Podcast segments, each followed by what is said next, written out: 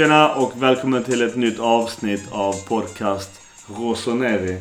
Vi finns som vanligt och fortfarande där ni läser allting om Milan i Sverige, det vill säga svenska fans, Milan Sverige och Milan Club Svezia. Glöm inte vår egen Facebookgrupp eh, podcast Rossoneri hittar ni oss. Alla avsnitt hittar ni där ni eh, även lyssnar på podcast. Annars så går ni in i dessa kanalerna och lyssnar på oss och allt annat kring Milan. Så vi kör direkt. Här är aktuella lönelisteförslaget. Vad tycker du om det? Är det eh, Pund per månad. innan, ut eller innan? Eller Innan, med? ska, innan skatt. Okej, så att detta är vad Milan får betala. Ja. Det är ganska uppseendeväckande siffror i vissa spelare. Tycker det är intressant att Antonio Donnarumma har 138 000 Ja, det pund i månaden.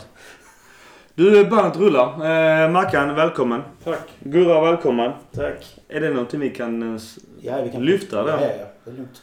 Okej, Mackan, du håller Gurras telefon. Vi, där har vi siffror på våra löner i pund. Ska vi, ska vi bara dra det i pund eller ska vi räkna om skitet? Vi kan ta det i pund. Det är ungefär som euro. Lite, lite, lite lägre. Vi har så jävla dålig krona numera så att ja.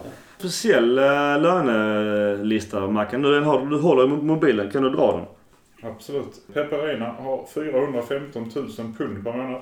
Antonio Donnarumma, storebror, 138 000 pund. Eh, lillebror Gianluigi Donnarumma, 1 38 000 pund. Christian Zapata, 235 000. Eh, allas vår favorit Musacho, 277 000 pund i månaden. Ja, det fantar mig bara avdrag på det. Ja. Eh, Caldara som har spelat så många minuter. 304 000 pund i månaden. Romagnoli 484 000. Simic, det var ju någon lämpligt. Eh, 41 500. För första gången en rimlig lön. Gustavo Gomez, men han är ju borta så han kan vi väl hoppa över. Eh, Abate 318 000. Conti 277 000. Strinic 277 000. Calabria 152 Laxalt 235. Eh, Rodriguez 291 000. Biglia 484 000. Montolivo 346 000. Kessi 304 000 pund. Mauri 194 000. Eh, Bakayoko 484 000. Borini 346 000. Halajovic han, ja, vad spelar, ja, jo han får ju lön i alla fall. Ja. 208 000. Bertolacci, din favvis, eh, Micke. Ja, det är Eh, fantastiskt. 277 000 pund i månaden. Det var inte 277 kronor i sjukt. månaden. Det är sjukt. Eh, Bonaventura 427. Castillejo 208 000 pund. Hakan 346 000 pund. Suso 415 000. Higuain 1 315 000. Cutrone 152 000 och Men det är bara för att förtydliga. Vad, vad sa vi? detta, var alltså i, som Pund. Milan får betala. Det, det är för Det är inte innan vad spelarna skatt. får ut. Ja. Mm. Så det är vad det kostar Milan. Så ungefär 50% cirkus off är vad de har i handen i månaden. Precis. Bara om någon är jätteintresserad och någon vill räkna. Är det någonting man kan... Grejen är att alla fotbollskontrakt skrivs väl egentligen i net för att spelaren inte ska bli drabbad om staten i fråga byter skattesystem. Ja, men det här är inrapporterat så detta är bruttopengar. Ja, det är bruttopengarna Mm. men det är ju så här att skulle italienska staten helt plötsligt få för sig som franska staten att ta 78% skatt på inkomster över 10 miljoner om året tror jag det. Då skulle ju den kostnaden gå upp. Då kommer För spelaren ska ha ut lika mycket pengar. Då måste klubbarna börja sälja i panik. Ja. Du, jag tänkte så här grabbar. Att vi har tre matcher. Vi missar ju Udinese-matchen ikväll. Och vi tar ännu ett eh, fanssamtal. Vi har en kille som eh, har varit nere och sett eh, Genoa och Sampdoria på plats. Eh, Så jag tänkte vi, vi, vi tar den först. Är ni okej med det? Absolut. Fredrik? Tjena! Eh, välkommen till podcast Rossoneri. Tackar, tackar. Jag, Mackan och Gurran, vi är lite avundsjuka. Du har ju varit iväg. Berätta lite vad du har varit på. Ja, jag åkte i lördags ner till Italien, Milano och eh, tittade på två matcher med Milan på plats. Milan Sampdoria och Milan Genoa. Det var nice. Ditt intryck? Ja, om man tittar på Milan Sampdoria så var det ju, det var ganska mycket folk och det var relativt bra spel för en gångs skull. Det var en information 4-4-2, vilket jag gillar i alla fall. Jag vill ha två forwards. Och jag tyckte det gav resultat. Eh, Vi gjorde ändå tre mål. Tyvärr så släpper vi in mål varje gång. Som vanligt. Men eh, det Ja. var bra stämning på, på arenan i alla fall. Och man märker att det finns ju någonting där som börjar växa. Eh, jag har ju varit de senaste åren. Det har varit lite mindre folk, det har varit lite, inte riktigt samma entusiasm. Förutom i stormatcherna. Men nu känner man att folk känner att det, det är någonting på gång. Så det, det märker man, märker skillnad. Förhoppningsvis är vi tillbaka till gamla goda tider. Är, är det lätt att få tag på biljetter dit?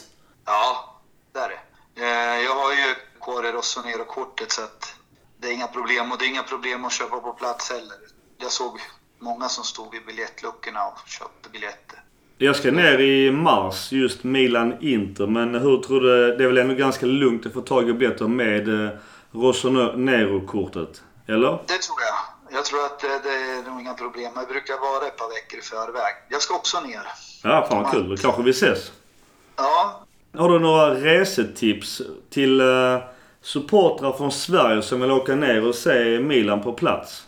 man ska ju försöka bo i alla fall framförallt hyfsat centralt. Sen spelar det egentligen ingen roll om man bor nära San Siro eller inte. Det är inte det viktigaste. Det kan vara skönt att ha gångväg till match och så, slippa trängas och, och så vidare. Det finns ju rätt så mycket att titta på. Jag, jag rekommenderar i alla fall att gå så mycket som möjligt. De gångerna jag åkt ner så har vi åkt ganska mycket tunnelbana, men den här gången valde vi faktiskt, jag och min son, att gå ganska mycket och då fick man ju uppleva. Det finns ju ett slott mitt i Milano, inte så långt ifrån domkyrkan, som, som är ganska häftigt att gå in och titta på. Det är gratis om man inte vill gå in och kolla på Leonardo da Vincis tavlor eller vad det är för någonting, men man kan gå in där och, och se rätt så mycket. Sen är det ju givetvis inne i centrum, vid Vittorio Emanuele-gatan, där Milan står och ligger bland annat. Där måste man ju givetvis besöka. Och sen är det ju Casa Milan med Milanmuseet och så vidare och San Siro givetvis. En favorit som jag var faktiskt för första gången, även om jag varit på Milano ganska många gånger, det är ju kvarteret Navigli. Där finns, det är som en kanal som går rätt igenom med mysiga kaféer, restauranger. Sen som att vara nere vid kusten genom de där områdena. Så det var riktigt fint. Ja, där är jättefint. Där har jag också varit ett par gånger. Ja. Tillbaka till eh, matcherna. Vad säger du om eh, Genoa-matchen då? Där, jag, måste, jag valde ju att sitta på andra ring, röda sätena vid Sampdoria-matchen. Medan mot ena matchen så ville min son sitta vid första ring. Och då satt vi under kurvan. Kanonplatser, vid sidan om. Man kom väldigt nära spelarna. Men också, skillnaden var ju att det var ju mycket högre stämning på de platserna. Eh, Man ser skitbra och det är billigt. Så det kan jag rekommendera. Eh, Och man kan sitta en bit ner där också. Vad innebär billigt? Det är de billigaste biljetterna. Nu minns jag inte priset exakt, men det är de billigaste biljetterna i alla fall.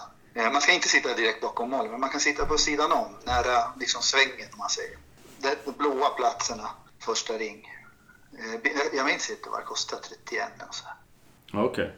Det är kanonplatser. Kurvan är ju oftast omöjligt att få biljetter till. De, de platserna finns inte att köpa. Så man, får, man kan sitta då på första ring under kurvan om man vill. Jag tyckte det var kanonplatser. Jag kom väldigt nära, var nere vid uppvärmningen som var så skitbra. Riktigt roligt. Men framförallt så var det bra stämning. Och, det var, och där fick man höra lite mera kritiska röster kring både spel och tränare och spelare och så vidare.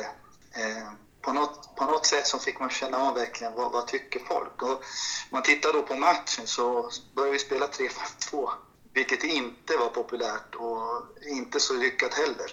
Efter eh, ja, en bit in på andra när han bytte in Abate, då var det tillbaka till 4-4-2 och då tog vi tillbaka matchen också. Som första halvlek var helt bedrövligt. Vi, vi gjorde mål, men sen efter det så hände det ingenting. De här kritiska rösterna du pratar om. Vill, vad säger dessa kritiska röster? Ja, framförallt att Gattuso inte är rätt tränare för Milan. Eh, att han inte har idéer och att alldeles för fegt. Eh, inte kan förändra, och, ja, förändra en match och inte förbereda taktiskt för en match eller för en motståndare. Sen var det ju Bakayoko som fick sin skärda del under matchens gång också. Han var inte populär. Fast han ändå var ganska okej ändå i Sampdoria-matchen. Nej, Genoa. Genom, Genom, genom förlåt. Genom Genom. Ja. Ja, mm. Eller? Jag tyckte han höll ganska låg nivå. Han var sämst på planen för min. Det är min åsikt. Ja, ja. Alltså han spelade väldigt enkelt, gjorde den matchen. Sidledspassningar, det var liksom inga konstigheter så. Men han tappade väldigt mycket boll och han producerar egentligen ingen speciellt framåt. Det är ingen spelare som Milan bör satsa på i alla fall. Jag tänkte bara hur man tog eh, Romagnolis eh, självmål som det blev mot Genoa. Fick han någon, någon skit för det eller det räknades som Bakayokos fel så att säga? Bakayoko som fick skiten där.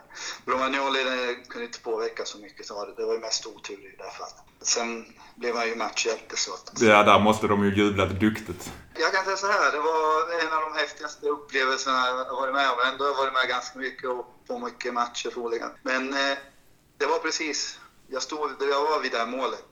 Och det var, ja, det var helt sjukt. Det bara exploderade, folk var som tokiga. Det bara kastade sig till höger och vänster och kramade varandra. Och det, var, ja, det, var, det är så häftigt som det kan bli.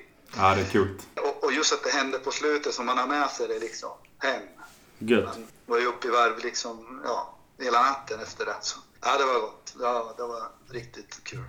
St- Stort tack för eh, dina åsikter och dina upplevelser som du delar med dig. Ja, tack själva.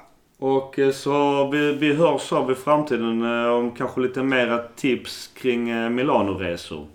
Du får jättegärna skriva i vår Facebookgrupp om dina tips. Allt från tunnelbanestationer och andra enkla grejer som gör resan lättare för oss alla. Det är i alla fall en sak som jag kan ta med innan jag slutar. Det är ju om man ska ut och käka på kvällen och det är boka bord vid restaurangen Nova Arena. Om man vill träffa eventuellt spelare eller annat från Milan. Ja, häftigt. Jag känner ägaren och han är jättetrevlig. Då, då hälsar vi från dig helt enkelt. Absolut. Men du, stort tack som sagt och, och vi hörs och ses. Ja, tack så mycket själva. Super.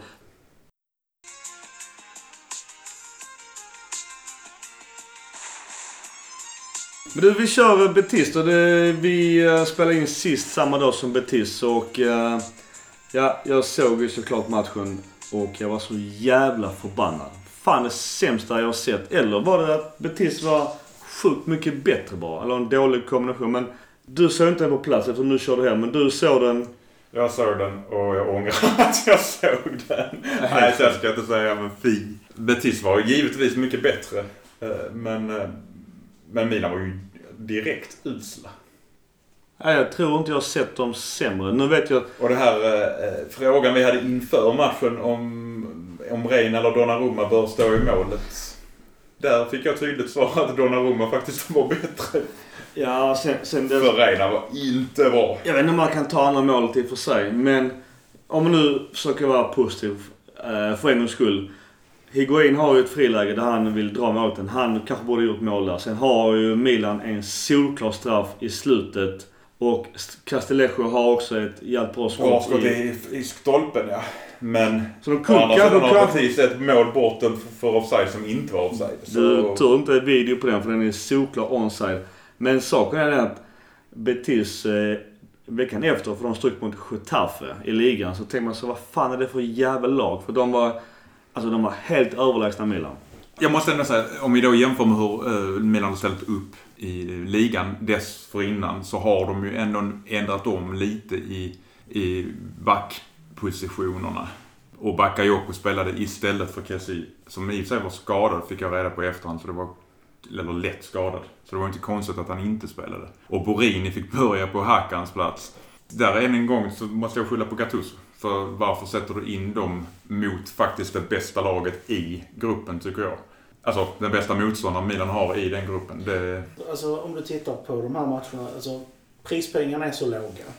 Vinner man de andra fyra går man vidare. Det var som jag sa, jag tyckte antingen, går, antingen kör man 11 icke-startspelare här. Man tar bort hela första elvan och kör in nästa elvan. Men den här mixen. Jag menar Higuain hade mått bra av att vila. Biglia som sen gick och blev skadad. Är det för att han har för mycket matcher? Bonaventura hade kunnat vila. Romagnoli hade kunnat vila. Här ska man ju sätta in de 11 spelarna som inte startar. om man inte vill vinna ja. Om man inte behöver vinna. Nej. Eh, Men den här matchen behöver egentligen inte vinna. Det här handlar om att gå vidare. Absolut, jag är med dig. Och där, jag tyckte det syntes tydligt att de inte visste var de hade varandra. För att det var felpass på felpass på felpass. Inte ett ont om laxalt i hans offensiva del, men han var ju aldrig hemma och försvara.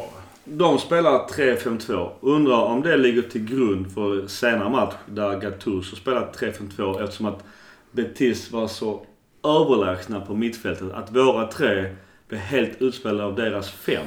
Men om du tittar på Betis, både Bargan och Firpo är ju offensiva ytterbackar. Eh, Så de har ju fem, fem i försvaret och fyra i anfallet. Varje gång de här springer upp och ner längs kanterna. Medan, medan vi satte Suso där och Hakan där. De gör ju inte flaska hemåt. I jämförelse. Ja, de gör inte jobbet. Nej. Ska man spela en 5-3-2 då ska det vara ytterbackar. Som spelar på de positionerna. Cafu, Serginho. Eller Calabria Rodriguez. Mm. Som kan ta arbetet längs hela kanten. Eller Laxalt. Alltså, eller vi har ju spelare för det. Gamla Bartra, han eh, tog ju bort hela vårt eh, anfall. Och Celsius och Carvalho, alltså, de, de var ju... Det var som att se... Eh, alltså de, de utövererar vårt mittfält något kopiöst. Jag har aldrig sett Milan bli så förnedrade. så- Alltså, då är nog Milan mött mycket bättre lag. Och Milan har varit ganska dåliga ganska många år. Men det Betis gör på mittfältet, de hade kvadrater med, eh, med så som Biglia, Hig och Bonaventura. Alltså det var helt, det var, alltså det var förnedring. Det är den fördelen man får med 5-3-2. Att man, man har fem, alltså ytterbackarna är ju både backar, mittfältare och anfallare. Så att när bollen är på mittfältet så är de två man mer. Alltså man har, man har ett numerärt överläge, sen är man sårbar för spelvändningar. Det är därför den är svag ibland om man inte har rätt spelare. Och envisas med bakåtpass på bakåtpass. Och de här stackars 22 405 på läktaren, de var inte helt nöjda. Men återigen, det här kortpassningsspelet i vårt eget straffområde. Det enda positiva överhuvudtaget med den matchen som du... Ja, du var inne på att det var eh, ett... Casileo var rätt så duktig ett tag. Men det är ju Courtrones eh, grinta. Mm. Det är bara han som vill. Castillejo, han visar ju klart sin besvikelse när han blir inbytt, eller när han eh, får sitt röda kort. Men, men Suso som då också kom in i halvlek och kanske ska ändra matchbilden. Han var det sämsta jag sett. Ja, han var inte bra. Han, han passar inte en enda gång och han vill ju bara göra eget och det blir bara skit av det.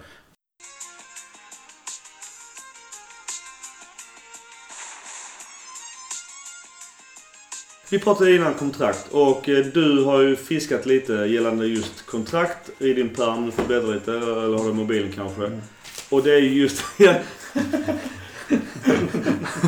Symboliskt bläddra, men i alla fall. Att eh, det är mycket snack i media. Instagram, man läser på Facebook. Finns det någon jävla klausul eller inte? Milan säger att det finns det. Då får man ju tro på att det finns. Varför skulle man annars gå ut och säga en, en sån klausul som inte är för till fördel för dem själva? Jag får Leonardo då ska omförhandla klausulen så den blir högre. För just nu ligger den bara på 38 miljoner euro. Men är det hittepå? Har, har, någonting har gått ut eller, var- eller var det bara inrikes i ligan? Att det- den har gått ut? Eller är det tvärtom? Och detta är ju bara andrahands. Jag har inte sett intervjuerna eh, själv med Leonardo. Men han har ju sagt att det finns en klausul som gäller bara för utländska klubbar. Mm. Men om den inte finns, eller om det är som du pratar om, ett sidokontrakt som vi pratade om innan vi började spela in. Det vet vi inte. Men jag vet inte riktigt om det kan vara ett spel för gallerierna också. För helt plötsligt så har vi förhandlat om hans kontrakt och tagit bort en klausul och höjt lönen för honom. Så har man gjort någonting bra. Ja. Utan att behövt göra någonting bra. Jag har kollat upp lite. Jag hittar inga registrerade klausuler i alla fall. Men det kan mycket väl sagt finnas på sidokontrakt eller liknande. Det, Men borde inte sidokontrakt vara någonting som är officiellt? behöver det inte vara.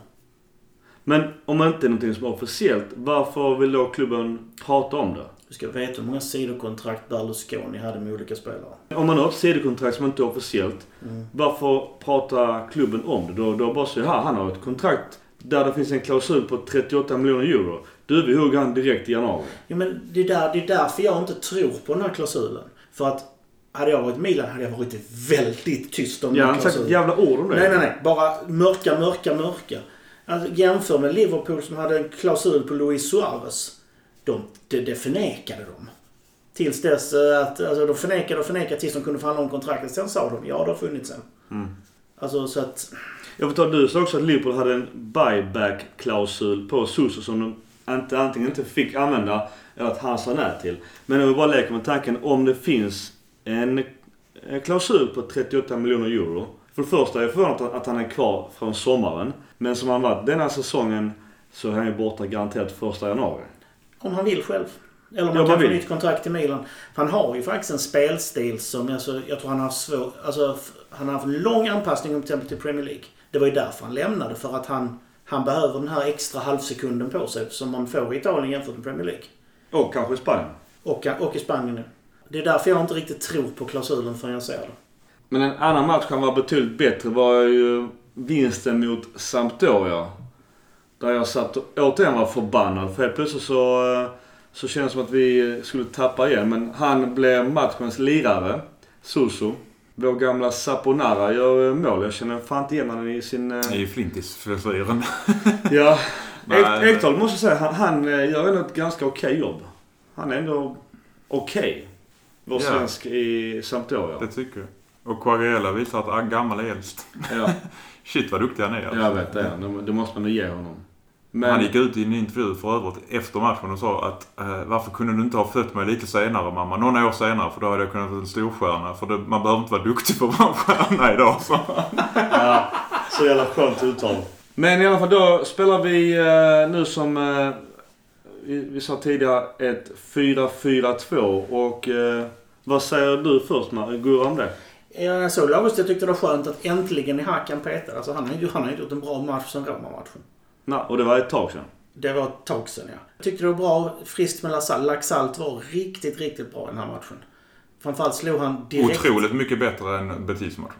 Ja. Ja. Annan laguppställning och allt så. Och, han, och det märks att han passade bra som vänsterytter där för att han, han spelar mycket direkt, han spelar med bägge fötterna. Det är ju han som ligger bakom eh, 2-2 målet till exempel med sin raka passning in till Higuain som sen skickar den vidare. Nej men det, det kändes bra från början. Kessie användes i rätt roll. Vilket jag tyckte var skönt. Han, han låg och städade.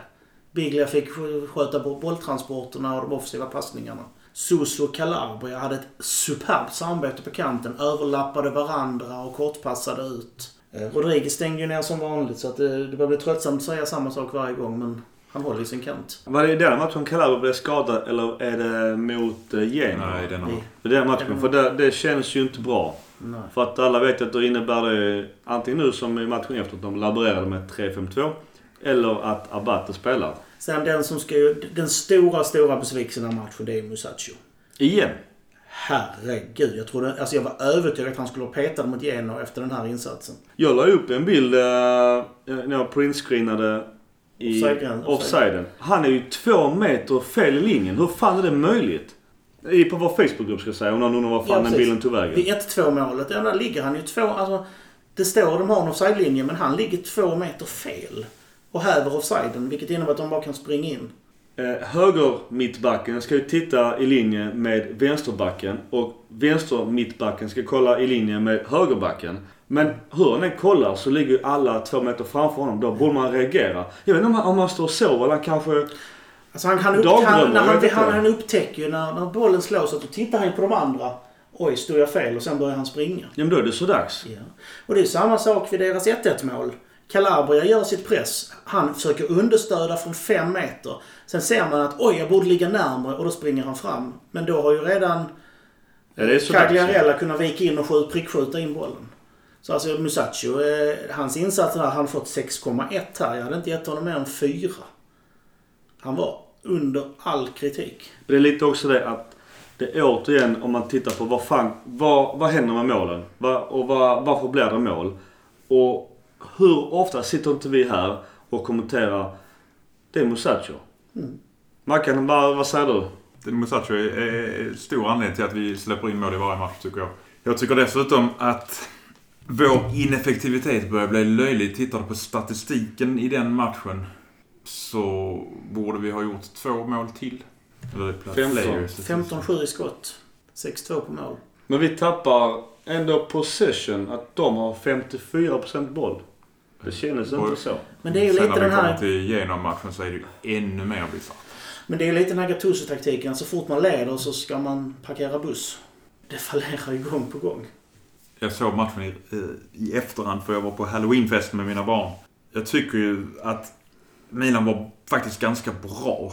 Förutom vid misstagen. Alltså jag tycker ändå att det fanns någonting att bygga på. Och därför tycker jag det är jobbigt att Calabria blir skadad och vi får laborera med uppställningen. För nästa match tycker jag inte det ser lika bra Jag, jag håller med nu Fredrik som, som ringde in här, eller vi ringde upp honom rättare sagt. Att jag tycker ändå att det såg ganska stabilt ut med ett 4-4-2. Så jättestabilt ut. Men den, den, som jag har tjatat om hela säsongen. Kessie används äntligen i rätt roll. Men också någonting, det han sa i samtalet, som också vi ändå har lyft. eh, det känns som att vi lyfter ofta ganska samma sak. Och det är lite där kring Gattuso. Att han gör... Eh, han ändrar till 4-4-2 och det blir ganska bra. Känns ganska stabilt. Och sen ändrar han tillbaka till 3-5-2. Varför gör han det?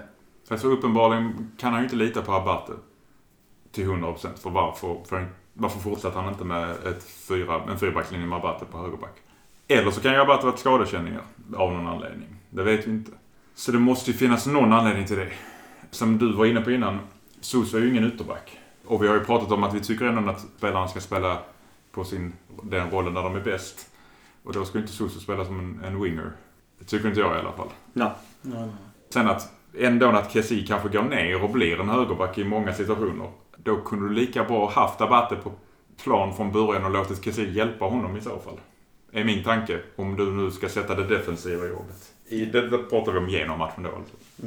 Ska vi glida över till Genoa då? Rakt av. Vi, vi, vi vände mot Sampdoria. Vi tog en jävligt viktig trepoängare, vilket vi behöver. Det är skönt att alla anfallarna fick göra mål där tyckte jag. Ja, och det som ska lyftas fram tycker jag i den matchen det är ju 2-2 målet. Alltså boll till Laxalt som på en en touch slår in den till Coutron är det va? Som vidarebefordrar, eller som skickar den till Higuain som stänker in den. Alltså det var, det var ju fotbollsmagi. Och det går fort. Det går väldigt fort. Det är ju roligt för att varje gång Higuain får en sån chans som kanske inte ser ut att vara en jättechans så gör han ändå mål. Det är stora skillnaden med, jämfört med andra anfallare vi har haft de senaste åren. Sen såg jag någonting här, jag vet inte vad jag reagerade på. Alltså Bigli har ganska hög passningsprocent men jag tyckte han slarvade mycket. Han slog bort många passningar som borde varit enklare men... Det tycker jag han har gjort många gånger i Jo men det är mer, alltså jag så jag verkligen reagerade på det. Ja. Men det är skönt att vi vinner, men som sagt utan Susus magi så hade vi inte vunnit Sampdoria-matchen heller. Han seglar upp en etta nu på Who Scores Europatopp. Ja, det, det. Han är etta va? Mm.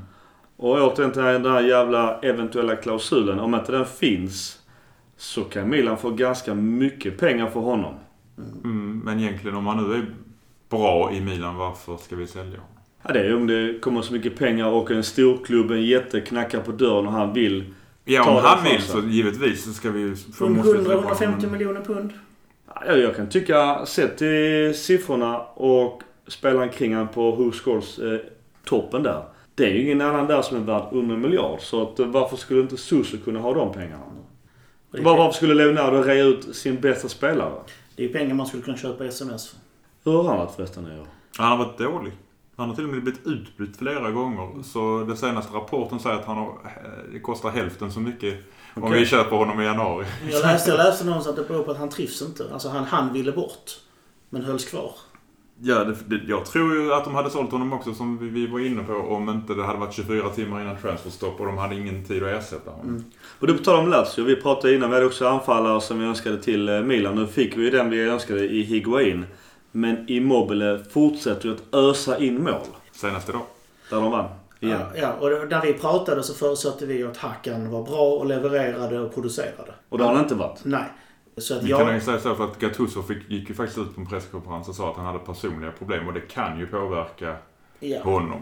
Så det är kanske, Håkan. där, ja, det är kanske därför de har eh, tålamod med honom. Men får då är det. ju dumt att spela honom. Då är det bättre att ha Castillejo som inte spelar nästan överhuvudtaget. Eller Laxalt. Eller Laxalt. Det har ju varit även nya rykten kring eh, något av de här Red Bull-lagen. Att de vill köpa honom tillbaks till Bundesliga. Ungefär för samma pengar Milan köpte honom för. Så att jag tror någonstans att han har mycket fotboll i sig. Men det har något personliga problem. Gud vet vad det är. Men jag kan ju tänka mig att det är svårt att spela fotboll på högsta nivå om man inte är helt okej i huvudet. Alltså han har ju inte varit bra. Och då, då måste man ju som tränare säga, har du problem, red ut dem, kom tillbaka om en vecka. Alltså, eller två. Ta, ta, ta det inte, för vi kan inte, man kan inte spela en spelare som underpresterar. Det som jag sa i förra avsnittet, det sänder ju signaler till hela laget att det är okej att underprestera, man får spela ändå. Jag håller med. För att Musacho som vi också gnäller på och alla måste säga ungefär samma sak. Hoppas jag, förutsätter jag som kan lite fotboll. Men han får ändå gång på gång chansen. Gattuso visar ändå lite ändå jävla namma att han har börjat peta Håkan nu efter många matchers usla insatser. Mm. Och det är återigen som eh, nu Fredrik sa här i samtalet. Att det är klart att, att det knorras lite om Gattusos roll. När vi har ändå haft ett ganska okej spelschema men inte tagit så många poäng som vi borde ha gjort. Ja. Och att han då samtidigt spelar spelare som är ganska mediokra. Plus då det här återkommande passningsspelet i straffområdet. Vad fan är det? Alltså någon borde ju uppmärksamma honom på det. Alltså både Leo och Maldini tittar ju faktiskt på matcherna. De måste ju tycka att det är okej. Jag hade ju skrikit till om jag hade varit Leo kan jag säga det. Om jag är sportchef i en klubb och jag ser ett spel som inte funkar. Sen tittar jag lite på spelschemat. Alltså om det är någonstans man ska byta en tränare så blir det under vinter. Vad är det? Två veckor där va? Vinteruppehållet. Ja, ja, januari. Ja, det är väl två veckor de har runt jul någonstans. Ja, där är väl några cupmatcher, inte några... Ja. Det, Ska ja, byta- det, är byter eller, man- det byter- är eller efter Juve-matchen. Byter man tränare gör man det där. Man, ja, precis efter Juve där. Efter Men man gör inte det nu mitt i. Ja, det blir konstigt. Ja. Om inte det är Real Madrid som har gått så jävla dåligt och fick stryk som fan mot Barcelona. Conte- 2-2 blev det väl? ja, just det. Jag sa 2-0 i alla fall. Alltså 2-1. Eller var jag närmast, tycker jag. Men i alla fall, på tal om tränare och Madrid. Conte har ju nekat eh, Real Madrid. Det är också lite intressant att han ändå nekar Madrid. Se vad som händer där kan bli. Men du, vi, vi rundar av eh, Genoa-matchen. Mm, kolla bara på statistiken på Ja, Genoa Sampdoria, menar du? Jag har ju knappt gått in på Genoa medan att vi pratar Men ska om vi- vi laguppställning. Genoa då? Vi Vi tar ta Genoa. Men kolla statistiken på den matchen. Vänta. Där är det ineffektivt du. Du var förbannad på statistiken. Berätta vad Jag är det blev du säger. förbannad på statistiken, jag blev förbannad på ineffektiviteten. Vad, berätta, vad, hur var det? Ja, det är alltså 28 skål, sk- skott jämfört med 9 skott för Milans del, varav 9 är on target och 2 för Genoas del. Det måste ge större utdelning. När du har de pengarna i lön ska du i alla fall kunna träffa mål när du är vid vid straffområdets kant. Ingen söker Higuain. Jag, jag, jag är fortfarande förvånad. Han får dra långskott. Det är i och för sig okej, Ja, men det är inte... Och det och det här märkte, här fick ju Hakan spela AMC. Alltså offensiv mittfältare. Men han var aldrig där. Så Higuain fick gå ner och ta den rollen när han borde vara ett steg upp och ta emot bollen istället. Vi kan, jag- det- vi kan väl vara överens om att den där uppställningen var lite märklig. Den, den var märklig för att det, alltså, dels så sätter man upp en 5-3-2 med en yt, med, med, med, med högerbacksrollen, eller högerkantroll som är Soso som inte kan spela försvarsspel. Vi spelar alltså en 5-3-2 offensivt. Men, men helt plötsligt så fort det blir försvarsspel så ska Kessie spela högerback. Så hela backlinjen blev förskjuten. Och det var aldrig någon balans i det här. Det var märkliga luckor. Det var, det var skevt på något sätt. Och precis som vår eh, gäst på telefon påpekar så blev ju spelet mycket stabilare när Abate blev inbytt. Ja. Och det är inte för att Abate är bra. Nej, Utan men det- är väl för ju att Kessie slipper täcka upp hela tiden. ja. För att då kunde Kessie gå in tillsammans med Bakayoko och städa i mitten. Vilket är deras roller som vi har då pratat om. Precis. Och Bakayoko gör ju en riktigt bra match. Han, Han har ju otur i, i Ja. bakåtspassen där. Den ska han kanske inte göra. Alltså han, han får precis kontroll på den. Då, då att blir han attackerad framifrån och bakifrån. Han lyckas peta ner den mot kortlinjen. Där ska det vara ofarligt. Sen är det en ren freak occurrence att den tar på Romagnolis Ja, alltså mål, självmålet där kan vi inte, som jag är med där, det kan vi inte belasta Romagnoli. Det är massiv otur. Det ska Ja. man nog ge Bakayoko. Alltså Bakayoko försöker spela den till den minst farliga ytan han kan spela den. Med tanke på hur han fick kontroll på bollen och hur han blev attackerad.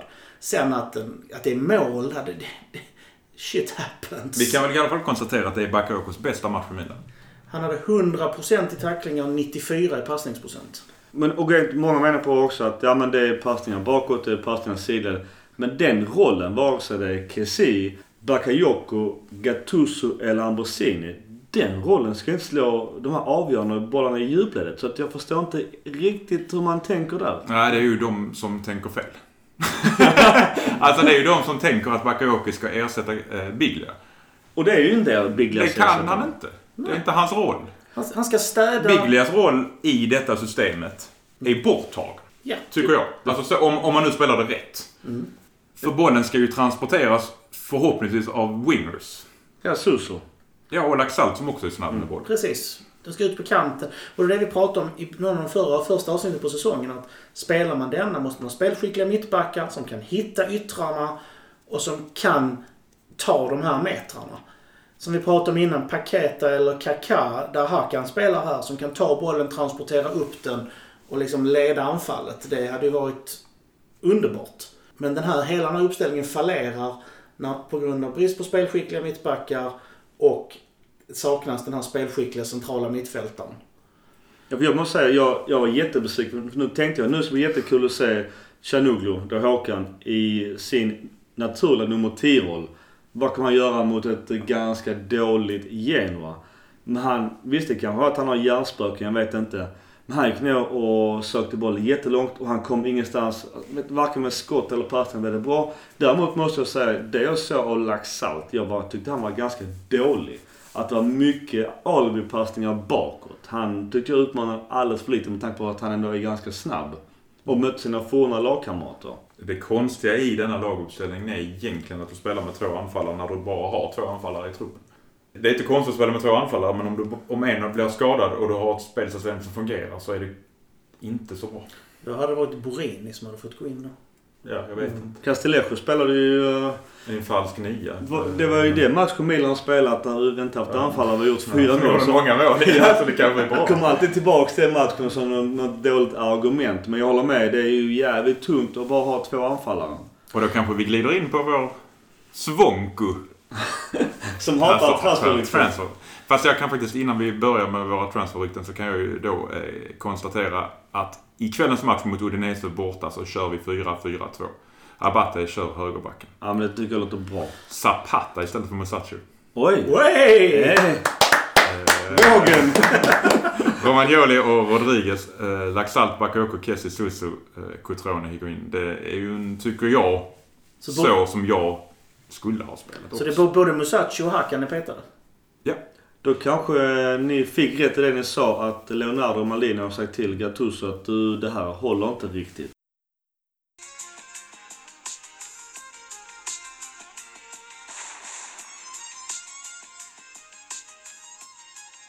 En sak ska nämnas vid det här målet tycker jag. Jag, så, jag tittar om den, framförallt eh, Romagnolis mål. Hela den situationen möjliggörs av att Cutrone gör ett hästjobb i pressen. Det är därför målvakten inte går upp och plockar den bollen utan boxar. Det är för att Cutrone ligger där och hade han försökt greppa den så hade Cutrone mycket väl kunnat nicka den. Så Det måste Cutrone- vi ju också påpeka att det gör han ju nästan i alla matcher. Pressar så in, Han springer Ja. ju galet. Hemskt till- med att möta. Men då Radu då som gör den här utboxningen. Han får ganska lågt betyg. Och visst vi hatar tidningsbetyg. För jag Men tycker han är har bra. många bra räddningar Ja, också ja. ska jag säga. Ja, hur kan han få så dåligt betyg? Han här gör en jättebra match.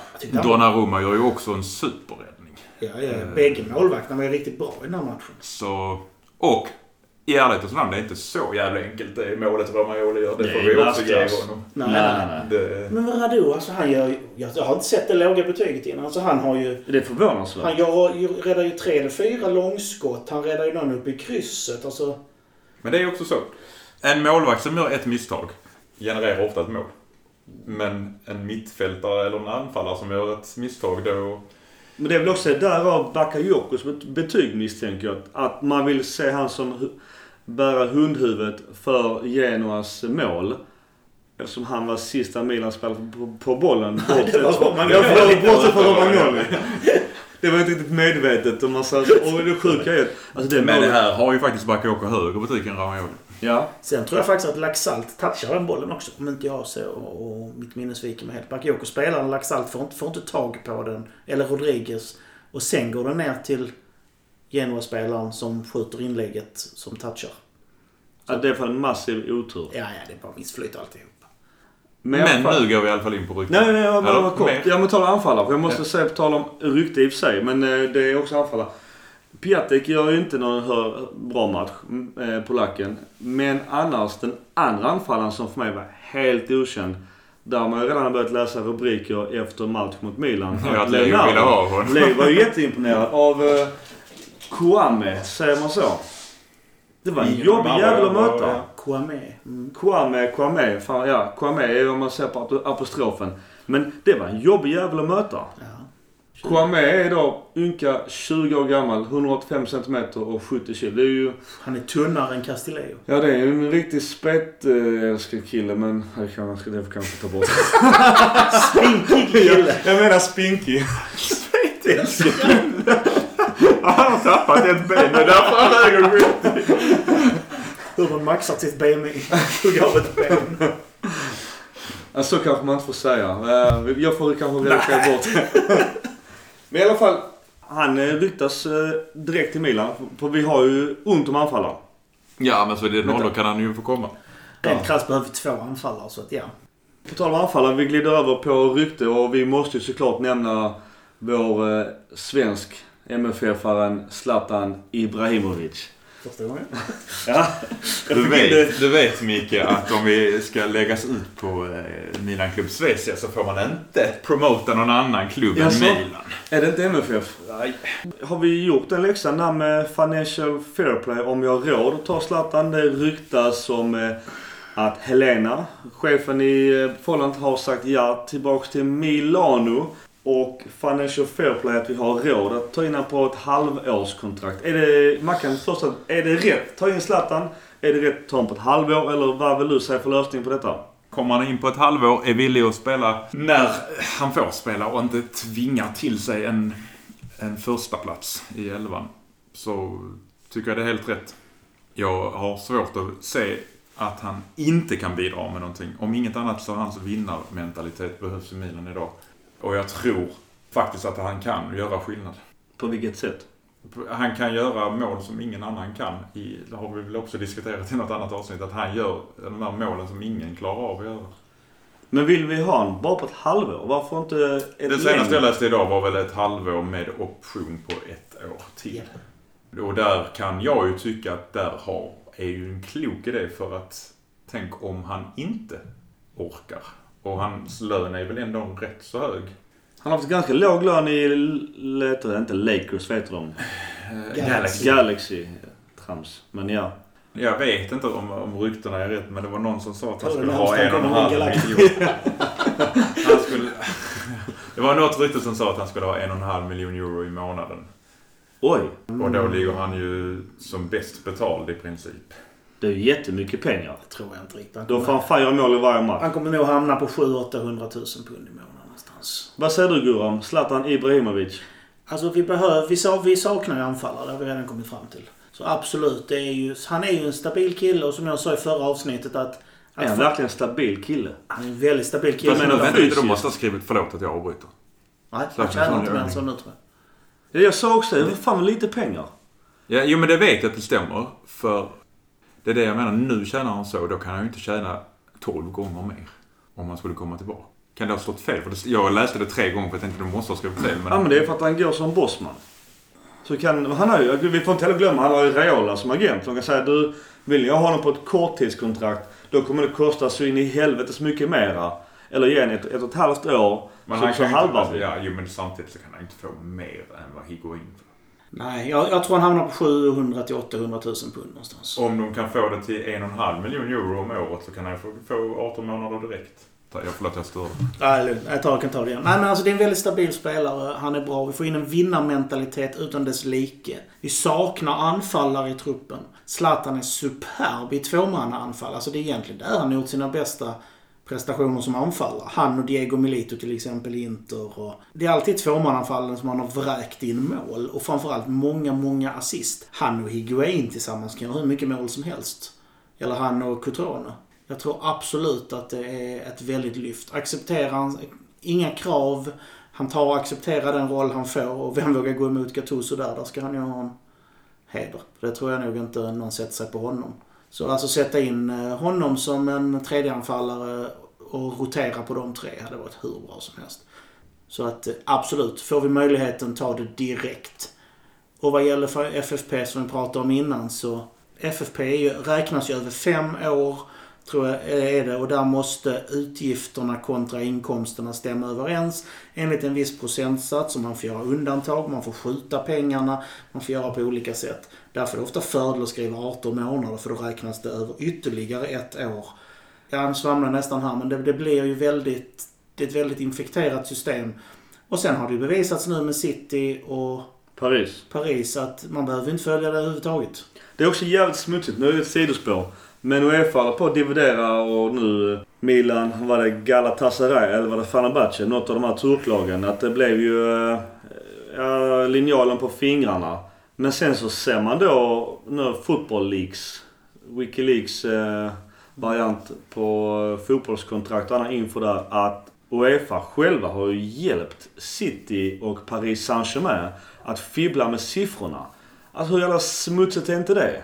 Det är jättesmutsigt. Det är ju lite äckligt det, ju. det är föga förvånande. Nej, inte alls. Alltså, det- inte Paris Saint-Germain. Är- De sitter ju i knät på Uefa stort sett. Det skulle vara intressant att se om de försöker sätta dit Milan på det och Elliot går lös på dem. Det... Jag hoppas Elliot kommer att mangla dem. Det kommer ju faktiskt ett, på tal om Financial Fair Play, Milan får ju sin dom, eventuellt, för det är inte helt säkert, men den 12 november så det kommer en dom vad vi får för straff, för vi har ju inte fått vårt straff. Och då eh, kanske man kan fundera på eh, Zlatan efter det. Vi kan också säga det på tal om Elliot att de har fått bud på Milan av vad det Sparta Prags ägare. Någon rik eh, mogul där som hade väl hade 6 miljarder som Elliot... Ja, 600 ne- miljoner euro vill han väl... ja, Elliot nekade rakt av. Men jag, jag tror EFA, så hade också nu kommit ut här med, med Football Leagues att börja dividera mot Elliot. Det är jävligt korkat rent taktiskt för att de kommer ju vända på varenda lilla gruskorn på deras huvudkontor. Det hade jag, tror inte jag att de vill. Nej. Så jag tror Milans straff kommer att bli ett skämt. Nej, de kommer få böter. De kommer säkert... Det pratades ju efter de fick spela i Europa League att det skulle ligga på runt 20 miljoner euro. Det är ganska Och mycket så, och så pengar. överklagas så hamnas det på 15 eller någonting. Jag vet inte, det är ganska mycket pengar. Men jag måste bara säga en sak med Zlatan. Förutom allt ni har sagt om honom, för jag håller med. Det är en fantastisk fotbollsspelare. Jag tror att han fortfarande håller skithög nivå. Men fördelen med Milan, det är att de kan ju spela ett annat system med honom. Då, då kan de faktiskt köra lite här tjong. Nu är vi pressade. Vi, vi måste inte gå igenom Biglia hela tiden utan vi tar långbollen från backlinjen. En hög eh, långboll till Zlatan som blir en target med antingen Cotrone eller Higuain. Jag tror både Cotrone eller Higuain, eller den som spelar med Zlatan, kommer må jävligt bra av att ha honom bredvid sig. Han kommer flaxa med armarna, han kommer vara irriterad, han kommer vara ganska bull. Men han kommer också höja. lappa till någon och få ett rött kort i någon match. ja, ja. Vad han gjorde i, i Oddsen på det är väl ganska låga. Men han, han, kommer, han kommer också höja spelare. För som du sagt, han är en vinnare. Det är som du är inne på. Alltså både uh, Cotrone och Higuain är i princip samma spelartyp. Higuain är bara en bättre variant. Få in någon som viker av och erbjuder en ny dimension. Jag tror också det. Jag tror inte vi ska vara oroliga för Financial Fair Play. Det, det löser de här klubbarna. Och fortfarande har han nog en attraktionskraft. Eh, som rent ekonomiskt kan vara lönsamt för Milan. Så då kommer väl Wegerup flytta ner till Milano igen och så kommer väl... Ja, och vi eh, kanske får se Milan på TV istället för på en streaming-service som funkar så bra när det var ett klassiker. Eller Ja, det var var riktigt det? dåligt. Jag fick byta. Jag tror att det kan vara positivt ekonomiskt för Milan. Och jag tror dessutom att han kan attrahera andra spelare. Och han kanske kan attrahera fler lyssnare till podcast Rossoneri. Vi kanske kan bjuda in honom. Jag bjuder in Zlatan. Jag känner honom. Eh, kanske inte. Men eh, vi bjuder in. Han har i alla fall en stående inbjudan. Det kan jag väl säga. Om han får för Helén. Jag, jag, jag, tar, jag, jag, jag, jag, jag, Det får du klippa bort. Men bara för det kommer han inte göra det. Glöm det. Får Helena lyssna på podcast Rossoneri? Ja, men Zlatan kommer ju... Zlatan kommer ju sälja tröjor om inget annat. Ja, ja, ja. Frågan är bara vilket nummer han tar. Man, nummer 11 har väl Borini som han hade innan i Milan. Ja, det kanske Borini lämnar ifrån sig ganska enkelt om, om Zlatan Ja. kommer. Quadrado lämnar ju över 7 till Ronaldo så då kan väl Borini lämna 11 till, eh, till Zlatan. Ja, eller så kan han få sin tia. Håkan ja. Om Hakan blir såld. Ja eller om bara säger du eh, Chanuglu du har varit ganska kass. Sen tror inte jag att det gör någonting bättre för hans mentala hälsa. Om vi tar man från nu- honom tian Ja. och låter honom vara kvar. Nej. Då tror jag att han har väl ännu mer personliga problem. Men som sagt, Zlatan är ett superförvärv. Och det får vi inte sticka under stol. Han har fortfarande kvar att erbjuda. Han orkar, kommer inte orka spela varje match. Han kommer inte vara på topp i varje match. Men att spela en match från start och göra inhopp i två, det, det kan ge... Alltså det ger de här extra poängen. Man vill ändra matchbild, man vill få en annan dimension. Och speciellt om vi ska då köra två anfallare. Exakt. Varje Verkligen. match. Och han kan spela Europaspel. Precis. Han är inte kapten på något sätt. Captain finns inte längre. Det togs bort. Va? Tog du bort det i somras då? Det togs bort i somras. Alla spelare som värvas i januari kan bara rakt in oavsett om de har spelat innan eller inte. Hur fan har jag missat detta? Vilket scoop! Ni hörde det först ja. i podcast Rosen ja, ja. Gurra levererar nyheter som alla missar. Men det balla är om du har fel. du är säker på detta? Att alla, okej vi- detta måste vi ta. Bara så jag har förstått detta rätt. Alla spelare som köps i januari får spela i sin nya klubb oavsett om de har spelat Europaspel i en annan klubb. Samma, alltså Champions League, Champions League, Euroleague, Euroleague. Yes. Okej, nu- googlar Gurra jävligt nervöst. Jag ser hur svettdropparna rinner snart ner på Jag, jag är hundra. Jag tänkte bara för du, så du ska bli lugn.